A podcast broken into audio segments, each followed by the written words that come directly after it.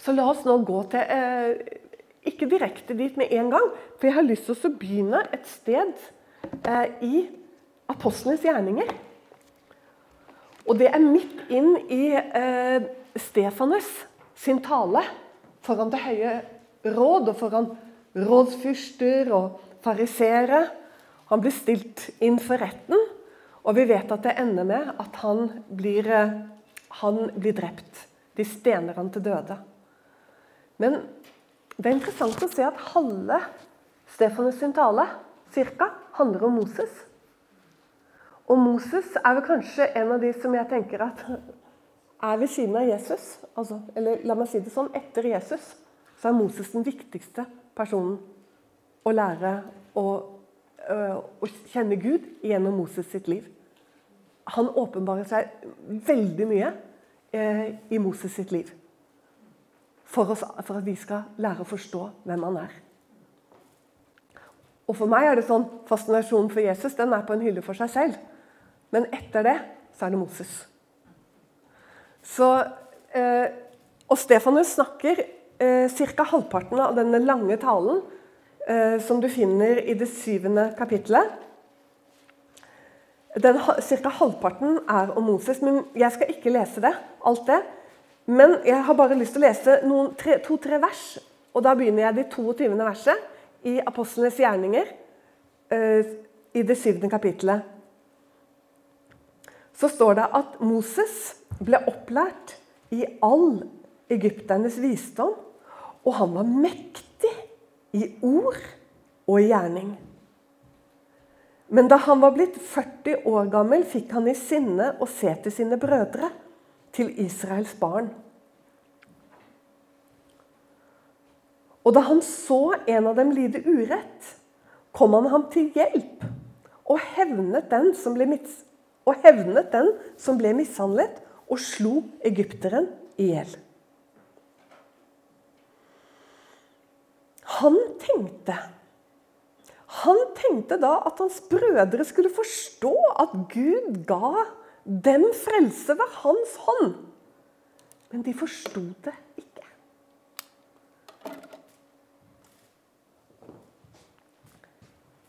Det som er så fint med å lese hele det eh, Stefanus sier om Moses, er at Stefanus sier en rekke ting som du ikke kan forstå sånn uten videre av å lese i andre Mosebok selv. Noen ganger kan vi forundres litt over det, fordi vi skjønner at de har også muntlige kilder, og det har jødene. De har, både, de har jo eh, Talmud, ikke sant? Det, den ble jo nedskrevet ganske sent, men det er gamle, gamle kilder. Så nå skal ikke jeg snakke om det, men jeg har bare lyst til å si til dere at innimellom merker du i Det nye testamentet at Oi, liksom, hvordan kan han si det? Men her, tenker jeg, når, når Stefanus sier dette helt klart, at Moses trodde at eh, folket han skjønte at Gud skulle bruke han for å frelse dem ut av Egypt. Så skjønner vi egentlig litt det når vi leser fra eh, andre Mosebok og de første kapitlene. Så skjønner vi det litt mellom linjene at Moses han trodde virkelig det. Og hør nå, det er ikke bare Moses som trodde det. Du må regne med at det var ganske mange, særlig rundt familien til Moses, som trodde det.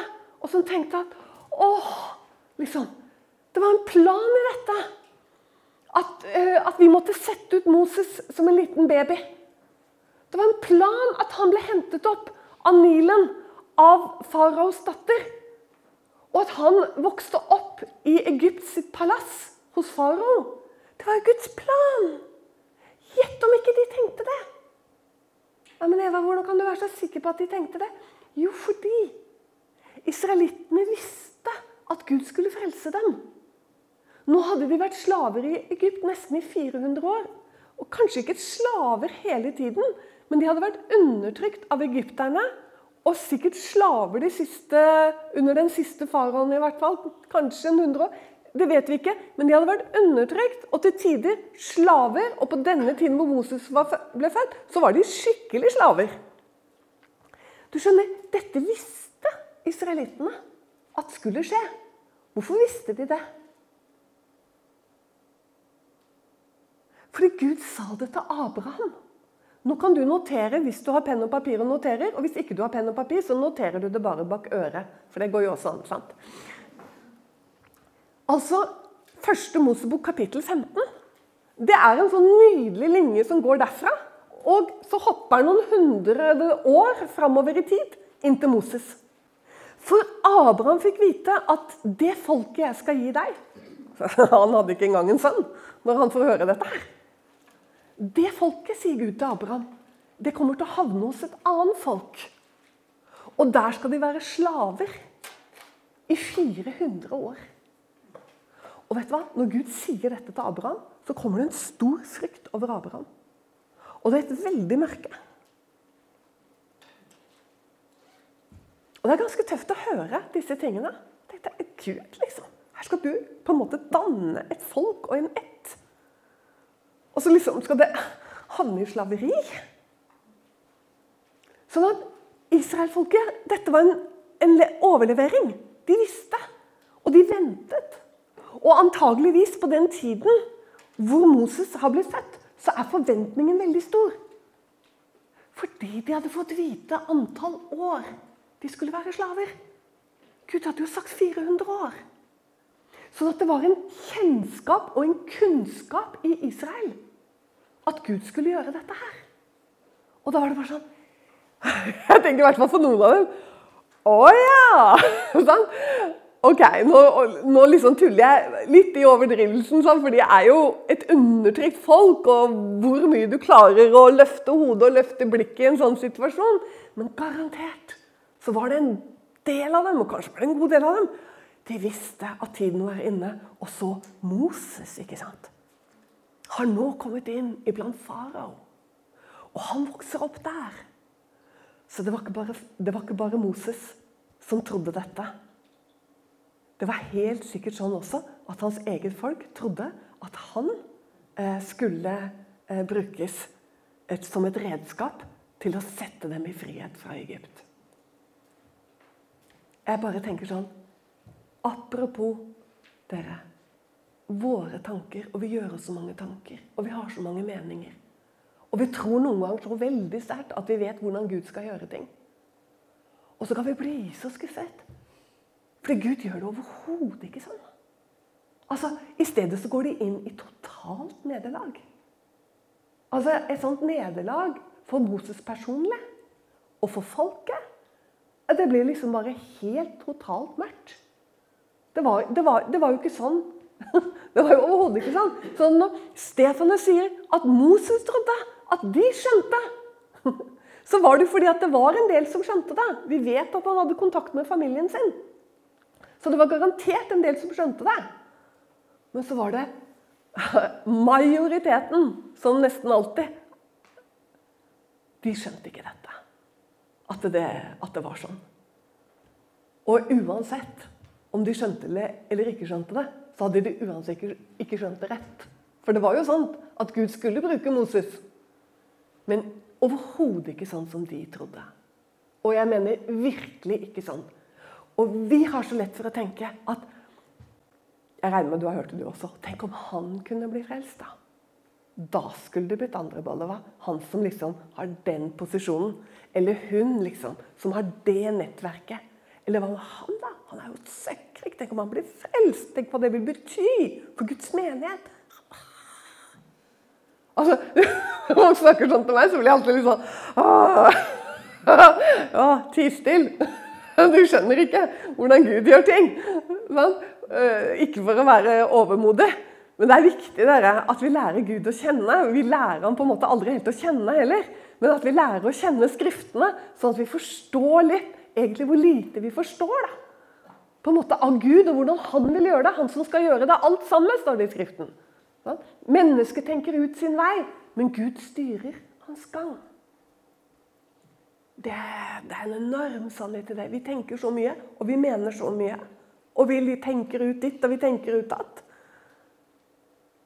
Og det meste av det vi tenker og, og sånn, det blir enten helt annerledes eller aldri noe av på en måte. Det ble helt annerledes. Og Gud være lovet for det. Jeg snakker mye om å være liten. tror jeg, i talene mine. Også det å være svak og tørre å være svak. Jeg har måttet lære det. Og jeg kom til Gud sånn. Så svak, så svak som det går an å bli. Og måtte lære å gå som et barn på nytt. Måtte lære å leve på nytt. Måtte lære alt på nytt. Og det er den veien som jeg tror at Gud bruker med veldig, veldig mange av oss. Og det er en velbehagelig og god vei, fordi det handler ikke så mye om oss, men det handler om Han. Og på den måten det handler om oss, det er at Gud ønsker å bli stor inni oss. Han blir veldig stor for oss, for det, er bra for oss at han blir det. At vi blir trygge, at Gud blir stor, at Gud får ha den posisjonen som han skal ha i våre liv. Og Moses Han er 40 år når dette skjer, at han dreper denne egypteren. Liksom, for nå skal han begynne å rydde opp her. Og så er han jo ute igjen. Jeg vet ikke hvor lenge etterpå. Og da begynner han å blande seg inn mellom to som krangler av folket hans. Og skal liksom ordne opp og sette på plass og fortelle her og der og sånn. Og da er det jo han blir skikkelig redd. For da skjønner han for det første at det er kunnskap om hva han har gjort. Og så ser han det at eh, folket hans forstår jo ikke hvem han er, og hvilket kall han har, og hva Gud har kalt han til. Antageligvis så har Moses en visshet om det kallet som det skal få ta 40 år til. Det skal ta enda 40 år til før det kallet blir manifest og virkelig. Det er det samme. Det blir virkelig. Så han må flykte. Moses flykter ut av Egypt og flykter helt til Midian. Midianittenes rike, som mest sannsynlig er på den andre siden av Det røde hav, det som i dag tilhører Saudi-Arabia. Dit flykter han. Og det spennende er jo at jeg, jeg, tenker veldig mye sånn at disse beduinene og saudi-araberne, det er egentlig dagens midianitter. Ørkenfolket. Det finnes ikke et folk som har mer kunnskap om ørkenen enn midianittene. Og det er dit han havner. Og han havner ikke bare i Midian, men han havner på en måte liksom, Bare du leser dette på noen få kapitler og ser hva er det Moses Han går fra å være For det første så er han en hebreer, en israelitt. Så vokser han opp som egypter. Og så havner han iblant midjanittene. Ikke et år, ikke tre år, men i 40 år. Hvor har du det fra? Stefanus sin tale. Han er 40 år iblant midjanittene. Og han, og han har altså rollen som barn har. Å gå bak eh, og sørge for eh, fårene eller geiteflokken eller hva han hadde. Det er det han holder på med når Gud møter ham. Og da har det gått 40 år. Og Moses vet ikke knapt lenger hvem han er. Hans identitet. Hvem er jeg, liksom? Og så kommer Gud og åpenbarer seg i en tornebusk. Og sier at 'jeg er Abraham, Isak og Jakobs Gud'. Og nå har jeg steget ned. Det er ikke så mange ganger Gud stiger ned. Det er ikke så ofte det står det, men du finner det bl.a. i forbindelse med Babel. Du finner det i forbindelse med Sodoma. Og det er, for, det er, det er fordi at det, menneskets Det er gjerne i forbindelse med stor ondskap. Når Gud på en måte Timen er kommet, tiden er kommet på en måte for å, for å Hva skal du si? Det er nesten sånn oppfyllelse over det. Det er når liksom tiden er moden, tiden er kommet, da stiger Gud ned. Og nå har jeg steget ned, sier han. Og det vidunderlige med dette her, er at jeg tenker sånn at da når Moses holdt på 40 år tidligere Hør nå.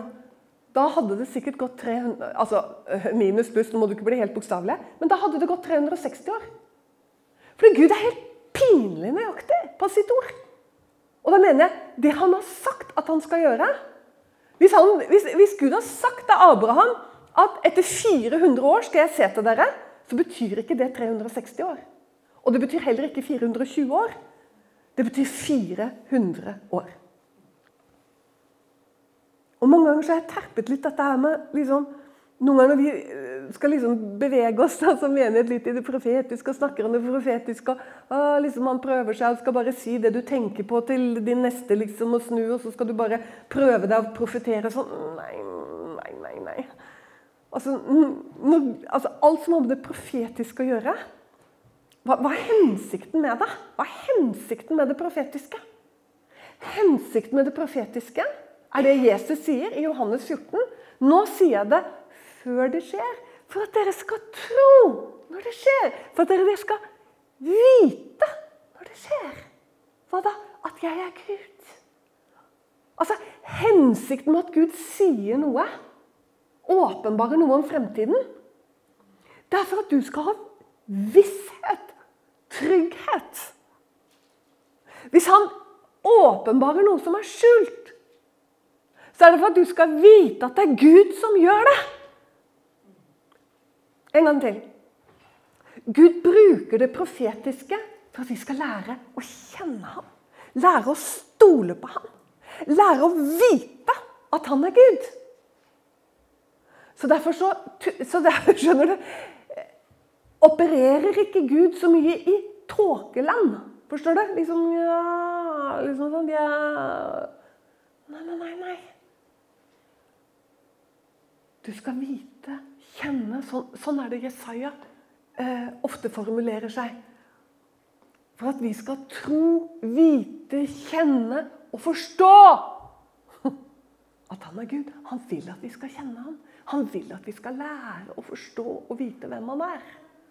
Og da bruker han blant annet Egentlig i Bibelen, i Guds ord, så er det nesten det han bruker. Det profetiske. Og derfor er det så nøyaktig. Så tilbake. Så når han har sagt 400 år, så betyr ikke det 360 år. Kanskje en parentes, men allikevel veldig viktig for å lære å forstå eh, hvor nøye Gud er med det han har sagt, og hvordan han oppfyller det helt nøyaktig. Så når Moses eh, når, når, når Gud kommer til Moses så er det jo en helt annen mann enn han var. Du du merket i hva Stefanus sa om han? Han var en mann som var sterk Er det ikke det det står? I ord og i gjerning. Interessant. For jeg tror en god del av dere husker hvordan Moses begynte å diskutere med Gud. Når Gud ga han kallet at Moses, du skal fri mitt folk ut av Egypt. Og han bare Nei, nei. nei. Og, og, det er mye sånn frem og tilbake mellom Gud og han. Og så begynner han å si at han kan ikke Han er jo en mann som ikke klarer å snakke ordentlig for seg. At han er treg i tale. Jeg Det er helt feil mann. Gud, du velger en feil person. Jeg Og dette blir en lengre diskusjon mellom dem. Og til slutt så er det sånn at, at liksom Gud sier 'Hvem er det som har skapt tungen?' Ikke sant? Og Moses gir seg ikke. Og da må han reise opp Aron, liksom, broren hans. Han skal være munnen din. For er, han, han, har, han er en sånn nedbrutt mann. Han var en mann sterk i tale og i gjerning. Og, og vi har slitt til å tenke litt sånn å, sånn, Akkurat som jeg sa, sånn, det, vi, vi, vi, er sånn av natur. Men, men, men, når det var en Gud, der var det jo en i faraos slott. Tenk hvilken mulighet! Bestevenn med, med, med, kanskje med bestefaren sin, farao. Godt forhold. Her var det mulighet til Gud! Her kunne ting gjøres! Men det er vår måte å tenke på. Det er vår måte å gjøre ting på. Da vil jo mennesket få ære, da. Da, liksom, da var det jo Moses. skjønner du? Det var liksom det er altså Gud skyr det som har med vår makt og krefter og flinkhet og Skjønner du? Liksom, og er det en som er sterk i ord og gjerning, ja, da liksom havner han ut i å dumme seg sånn ut at han blir en drapsmann. Han som Gud skulle, Gud visste jo at han skulle bruke han. Men først så liksom bare dreper han en egypter, blir landflyktig, må rømme til midjanittene Og Gud kommer når han ikke lenger vet hvem han er. Hvem er jeg, liksom? Er jeg hebreer eller israeler? Er jeg, er jeg egypter? Er jeg midjanitt? Hvordan, hvordan, har du det, liksom? I en sånn situasjon. Hvem er jeg? sier han sånn. Hvem er jeg, Gud? Og da er det at Gud åpenbarer hvem han er. Og det har han aldri gjort før. Ikke til Abraham, ikke til Isak, ikke til Jakob. Det står i kapittel 6 i andre Mosebok. Du bør ikke gå dit nå, men der står det at han har aldri noen gang før åpenbart sitt navn. Han har aldri presentert seg. Det er så Jeg må si kult! Gud har aldri presentert seg for Abraham, Isak og Jakob med navn. De kjente ikke navnet hans. Så sier jeg, ja, men Er det så viktig, da? Liksom, jeg kan da kjenne et menneske. Altså, nei, i Bibelen er det med navn det er, det er utrolig viktig. Navn er ofte profetiske. Navn er ikke noe sånn som vi driver med. liksom, ja, ja, nei, synes Kristine klinger fint. det tror jeg kan. Skjønner du? Bibelen det er kjempeseriøst altså, med navn. Så derfor så, når du leser i Bibelen, bruk hele tiden uh, muligheten til å gå etter navnene. For navnene kommer til å gi deg mye åpenbaring. Navnene som de forskjellige har. Det er, ikke, det, vet du, det er rett og slett aldri tilfeldig hvilket navn de har. Det sier masse. Og så vil jeg si samtidig, for Nå sitter mange av dere med sånn ja, men Har ikke Gud mange navn? og jeg har hørt han har mange navn. Nei, da får vi avlive den med en gang. Gud har ikke mange navn. Han har bare ett navn som han har presentert seg med. Og det andre er titler. Det er ikke et navn, det er ikke et egennavn. Når det står f.eks. han skal kalles ikke sant? Han skal kalles fredsfyrste, han skal kalles rådgiver, han skal kalles veldig Gud. Han skal kalles. Det er titler.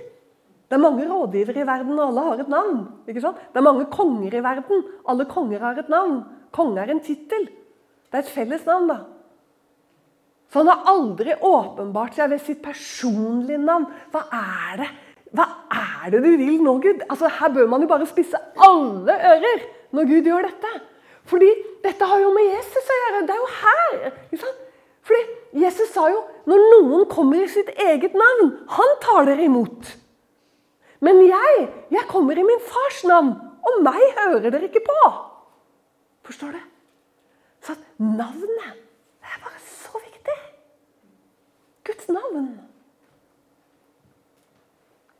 La oss da gå til, eh, til andre Mosebok, til tredje kapittel, der hvor det kommer for første gang. Og Det er jo så bra at Moses ber ham presentere seg. Det er ganske bra.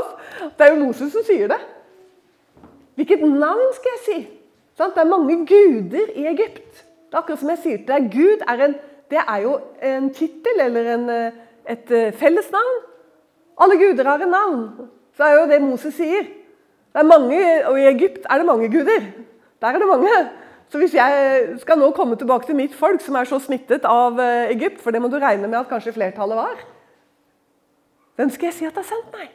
Hva er ditt navn? Du må presentere deg. For det har med kjennskap å gjøre. Og så sier da Gud at øh, Han sier La oss lese litt sånn som det står. Men Moses sa til Gud, 'Hvem er jeg at jeg skulle gå til farao, og at jeg skulle føre Israels barn ut av Egypt?' Og han sa, 'Sannelig, jeg vil være med deg.' Og dette skal være deg et tegn på at jeg har sendt deg Og så kommer det et ja, vi, vi tar ikke det med, for det blir bare sånn unødvendig akkurat nå. 13. verset. Da sa Moses til Gud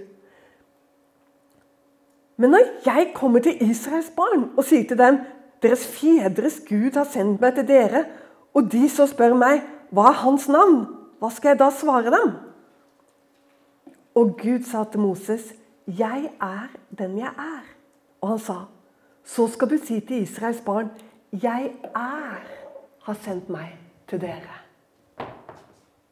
Underlig navn. Det er ikke noe navn, det er et verb han kommer med. Og det som er enda mer underlig, er at på hebraisk så, så er det helt annerledes enn på norsk og engelsk. Ligner litt på russisk, faktisk. Du bruker ikke, du bruker ikke å være på denne måten. Du sier ikke sånt. Altså, Det er helt unormalt å si noe sånt som Gud sier. Du sier ikke det. Altså Hvis en, hvis en israelitt skal si ja, Si at det ligger en hund utenfor her, og det er din. ikke sant? Og så sier du at uh, bikkja er ute. Helt normalt på norsk. Sier ikke det på hebraisk. Du vil aldri bruke 'være' i en sånn fall. Du vil si, du vil si uh, 'hund ute', vil du si. Hund ute. Bruker ikke å være. Gud, hva er det du holder på med her? Jeg er. Det er meningsløst. For oss er det ikke meningsløst, for det, liksom, liksom, det forteller om eksistens. Nei, på hebraisk forteller det ikke om eksistens. For det, det må være noe skjønner du, som beviser at det er. Du, du henger ikke med ennå, og det forstår jeg. Nå skal vi, nå skal jeg, ja, men Hør nå. Dette er kjempeviktig.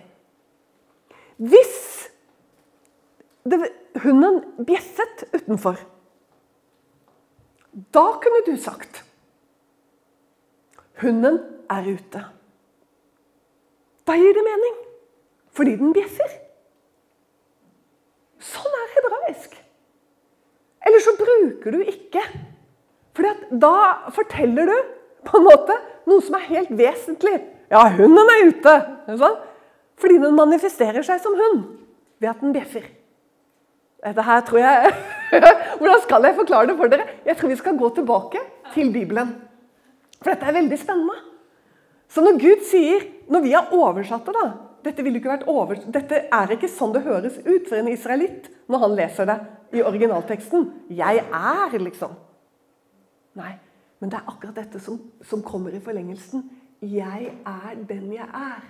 Egentlig, fra hebraisk så er det bedre å si det sånn. 'Jeg er den jeg vil vise meg å være'.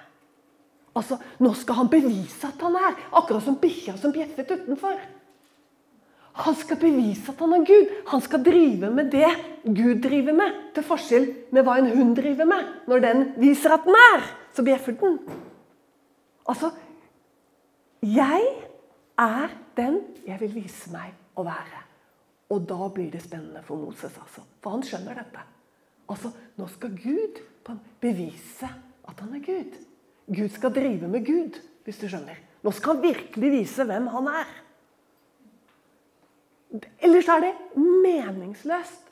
Liksom. Og, og, vi har så, Teologer sier sånn, fra gammelt av ja, den absolutte væren, liksom.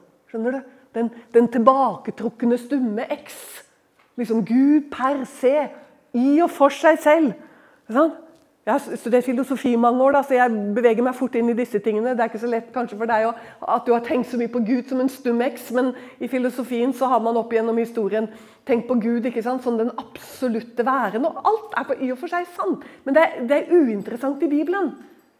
Det som er interessant, er at Gud er, og beviser at han er. Og det er det han nå skal begynne med, å drive med Gud. Han skal drive med å være Gud. Han skal vise Moses hvem han er. Jeg tenker Moses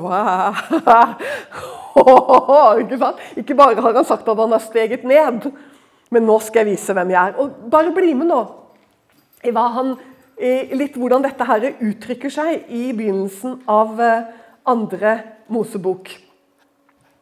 Og så eh, kan vi gå til sjette, der hvor jeg sa at det er jo et kapittel hvor, jeg, hvor det bare er sånn NB, NB, liksom.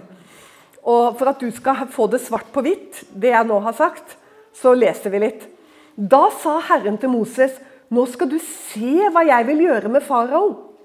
Ved min sterke hånd. Dette er fortsettelsen av at han sier, jeg er den jeg vil vise meg å være.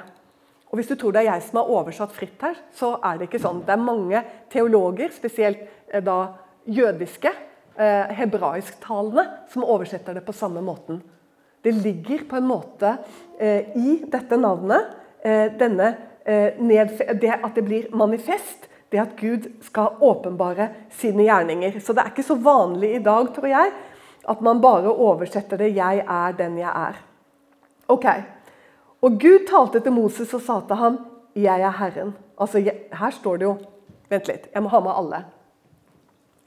Hver gang det står 'Herren' i Det gamle testamentet, så står det gudsnavnet i den originale skrift. Og det er over 6000 ganger. Forstår du? Hver eneste gang gudsnavnet står, så står det 'Herren' i vår bibel. Stort sett alle gangene, utenom helt her i begynnelsen av andre Mosebok. Ellers så står det 'Herren', altså Adonai på hebraisk. Og det er fordi at når jødene leste Skriften, så uttalte de ikke navnet i respekt. Nemlig, Det er jo dette det er ikke sant? ifra budene om at du skal ikke misbruke Herren din Guds navn. Det er her det ligger en dyp frykt og respekt. Og også ikke en visshet om hvordan det skal uttales. De vet faktisk ikke. Så når noen, jeg, tør, jeg er litt redd for å si Javé, liksom. Fordi man vet ikke sikkert hvordan det skal uttales. Husk at hebraisk skriver bare konsonanter. De skriver ikke vokaler. Så det er på en måte vanskelig for dem å vite det. Akkurat hvordan det skal uttales. Og kunnskapen har nok antageligvis gått ganske tapt for dem. Hvordan dette ordet skal uttales. Ok, Men dette er mer sånne detaljer. Så står det det. Nå har jeg hørt hvordan Israels barn sukker over egypterne gjør dem til treller, og jeg har kommet en pakt i hu. Pakten han har gjort med Abraham. Si derfor til Israels barn jeg er, og nå står det Herren, og da vet du hva det står i den originale tekst. Der står 'Jeg er den jeg er'. Og jeg vil føre Hva er det han vil gjøre? Jo, jeg vil føre dere ut fra Egyptens tunge byrder. Jeg vil utfri dere fra trellearbeidet under dem. Jeg vil forløse dere med utdrakt arm over store straffedommer. Jeg vil ta dere til mitt folk, og jeg vil være deres Gud. Og dere skal kjenne, og det ordet her for 'kjenne' det betyr intimt kjennskap. For at dere skal kjenne at jeg er Herren deres Gud, Han som førte dere ut av Egyptens tunge byrder. Jeg vil føre dere til det landet som jeg, opp, som jeg med oppløftet hånd har svoret å ville gi Abraham, Isak og Jakob. Og jeg vil gi dere, til, eh, dere det landet til eiendom. Jeg er den jeg vil vise meg å være. Nå sier jeg det sånn, der står det jo bare Herren hos deg.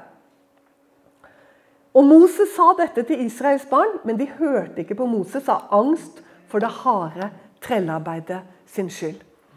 Altså, Gjennom disse versene her sånn, så sier Gud hva han nå skal gjøre. Hvordan han skal bare vise hvem han er. Gjennom det han nå skal sette i gang i Egypt. Og du, her er Det jo sånn, det er jo nesten servert på sølvfat, frelsen. Billedlig. Dette er frelsen for jødene den dag i dag. For de som tror på jødedommen av jøder fortsatt. Dette er frelsen for dem. Når de feirer påske, så feirer de dette, som jeg leste for deg nå. Det er det de frelser. Det er det de feirer. Og så sier de sånn Så sant Herren lever. Altså Det er beviset for dem på at Gud er en levende Gud, på at Han er Gud. Så Derfor så sier de det sånn.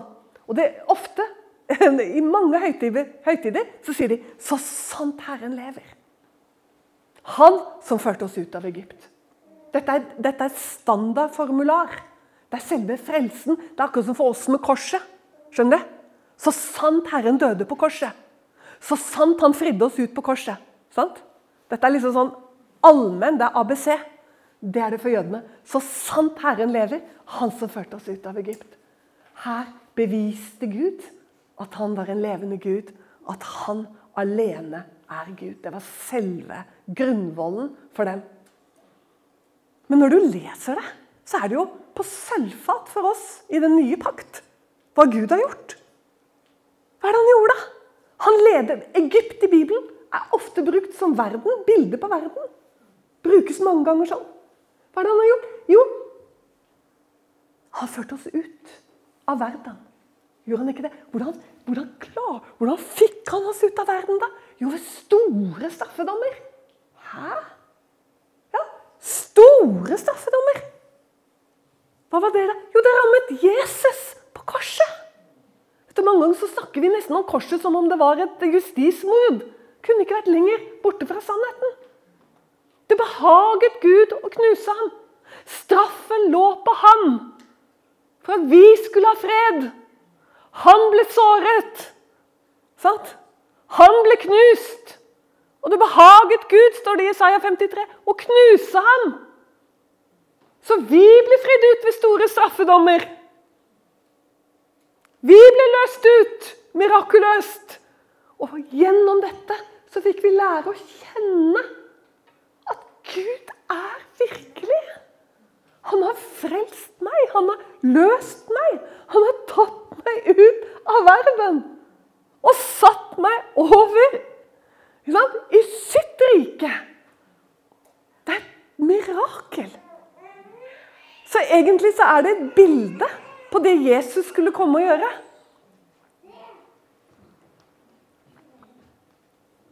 Gud vil at vi skal kjenne ham. Og gjennom 40 år, nye 40 år i ørkenen, så åpenbarer Gud seg ved Moses sin side. Det står faktisk at han går ved siden av ham. Har du lest det? Liksom? Han, altså I 40 år så går han som en røyksky foran Israel gjennom ørkenen i 40 år. Hver dag når de er ute på vandringer, så går han som en røyksky sammen med dem. Om natten så lyser den røykskyen som en ild. Og når de slår leir, så ligger han over dette eh, sammenkomstens telt, dette tabernaklet. Skyen ligger der, og de, de, de, de bryter ikke opp før den skyen løfter seg. Det er sånne ting som Oi, jeg tror jeg må lese litt bedre Mosebøkene. jeg. Hæ? Hallo? Gud åpenbarer seg i ørkenen. Gud åpenbarer seg for sitt folk. For at de skal lære å kjenne ham, og for at vi skal lære å kjenne ham. La meg bare til avslutning nå ta en detalj. I det 14. kapittelet så står det noe veldig underlig på slutten av kapittel 13 og 14 i andre Mosebok. Da er de, da er de på vei gjennom ørkenen så står det at Gud Altså, dette ligner veldig på hvordan eh, Gud vraket uh, Unnskyld meg, altså, jeg snakker litt i gåstegn, for det må man jo. Men hvordan Gud slår beina under Moses, den sterke mann i ord og gjerning. Og hele, hele planen, alt sammen gikk i grus. Men uh, det er så mye av dette i Bibelen at Gud gjør sånn. Og når de er på vei ut av Egypt, så står det plutselig at de er på vei, da. Antageligvis i retning Eilat. Har kommet så langt, og ting har gått veldig bra. Og de har vel vandret en tre dager nå gjennom ørkenen. Så plutselig så får Moses beskjed at de skal snu. Slå leir et bestemt sted, som Gud peker ut. Og så får du vite i teksten hvorfor han gjør det. Vet du hva han gjør? Han fører dem inn i en wadi. En wadi er en eh, Hva kaller vi det på norsk? Håper å si en sjakt. En uh, canyon. Han fører dem inn i en felle, rett og slett. Gud gjør det. Her er det åpent land. Kunne bare fortsatt å gå mot Eiland. Så fører Gud dem inn i en felle. Hvor de står med Rødehavet foran seg. Og så har de Egyptens hær bak seg. Og vet du, Vet du hvorfor han sier at han gjør det? For at Egypt skal si nå har de gått seg vill i ørkenen. Nå setter vi etter dem. Der fører han det. Altså, Han fører dem inn i dette her sånn for at Egypt For nå skal han han skal åpenbare hvem han er. Han skal, for, ikke bare for Israel, men for all ettertid så skal Gud vise at det handler ikke om oss, men det handler om han. Så Moses får si snu! og gå tilbake igjen. Og slå leir, så får han vite hvor han skal slå leir. Og Moses vet jo, han, jo, han kjenner jo disse områdene. Han vet at dette er galskap. Du må lese slutten av 13 og begynnelsen av 14 i kveld en eller annen gang i løpet av dagen. Det er helt fascinerende. Og der skal du slå leir. Og så kommer hele Egyptens hær. La oss bare gå dit. Eh, så vi leser Jeg tror vi bare må gjøre det. Fordi dette er så utrolig viktig. Herren gikk foran dem om dagen i en skystøtte og ledet dem på veien om natten i en ildstøtte for å lyse for dem, så de kunne dra fram både dag og natt. Skystøtten vek ikke fra folket om dagen, det var dette jeg sa, heller ikke ildstøtten om natten. Og Herren talte til Moses og sa nå er vi i det 14. kapittelet. Si til Israels barn at de skal vende om og slå leir foran havet ved Pi Ha-Kirot, mellom Migdol og havet, midt imot Baal Sefon. Der skal dere slå leir. Og jeg tenker, Moses Du Nei, Gud! Hæ? Noe så farlig? Antageligvis visste han ikke at egypterne var i hælene på de allerede. Og hvorfor skal de det? Hvorfor skal de det? Se tredje verset. Farao vil da si om Israels barn de farer vill i landet. Ørkenen har lukket dem inne. Og jeg vil forherde faraos hjerte, så han forfølger dem. Og jeg vil åpenbare min herlighet på farao og hele hans hær. Og egypterne, er det de skal også? Jo, de skal kjenne og vite at han er Gud. Ikke bare Israel, men egypterne skal jammen kjenne at han er Gud. Du, dette Dette er sånne steder hvor jeg tenker vi må bare sperre øynene opp her. Og, og vi, etter pausen så skal vi gå litt mer inn i hvordan Jesus på en måte opererer i det samme farvannet. Han som kom i Herrens navn. Det utbryter total panikk blant folket. Og de roper til Moses. Har du bare ført oss ut her for å dø, liksom? Og nå har de egypterne bak seg. Og de er bare holdt tilbake av denne Ikke bare, det er ikke bare det. De holdes tilbake av Gud selv. Han står som en ildmur mellom eh, Egypts hær og Israels folk. Og foran dem har de det håpløse Røde hav. Det, det er umulig. Dette er en umulig situasjon. Men det er Gud som gjør den umulige situasjonen for at han skal vise hvem han er. Og dere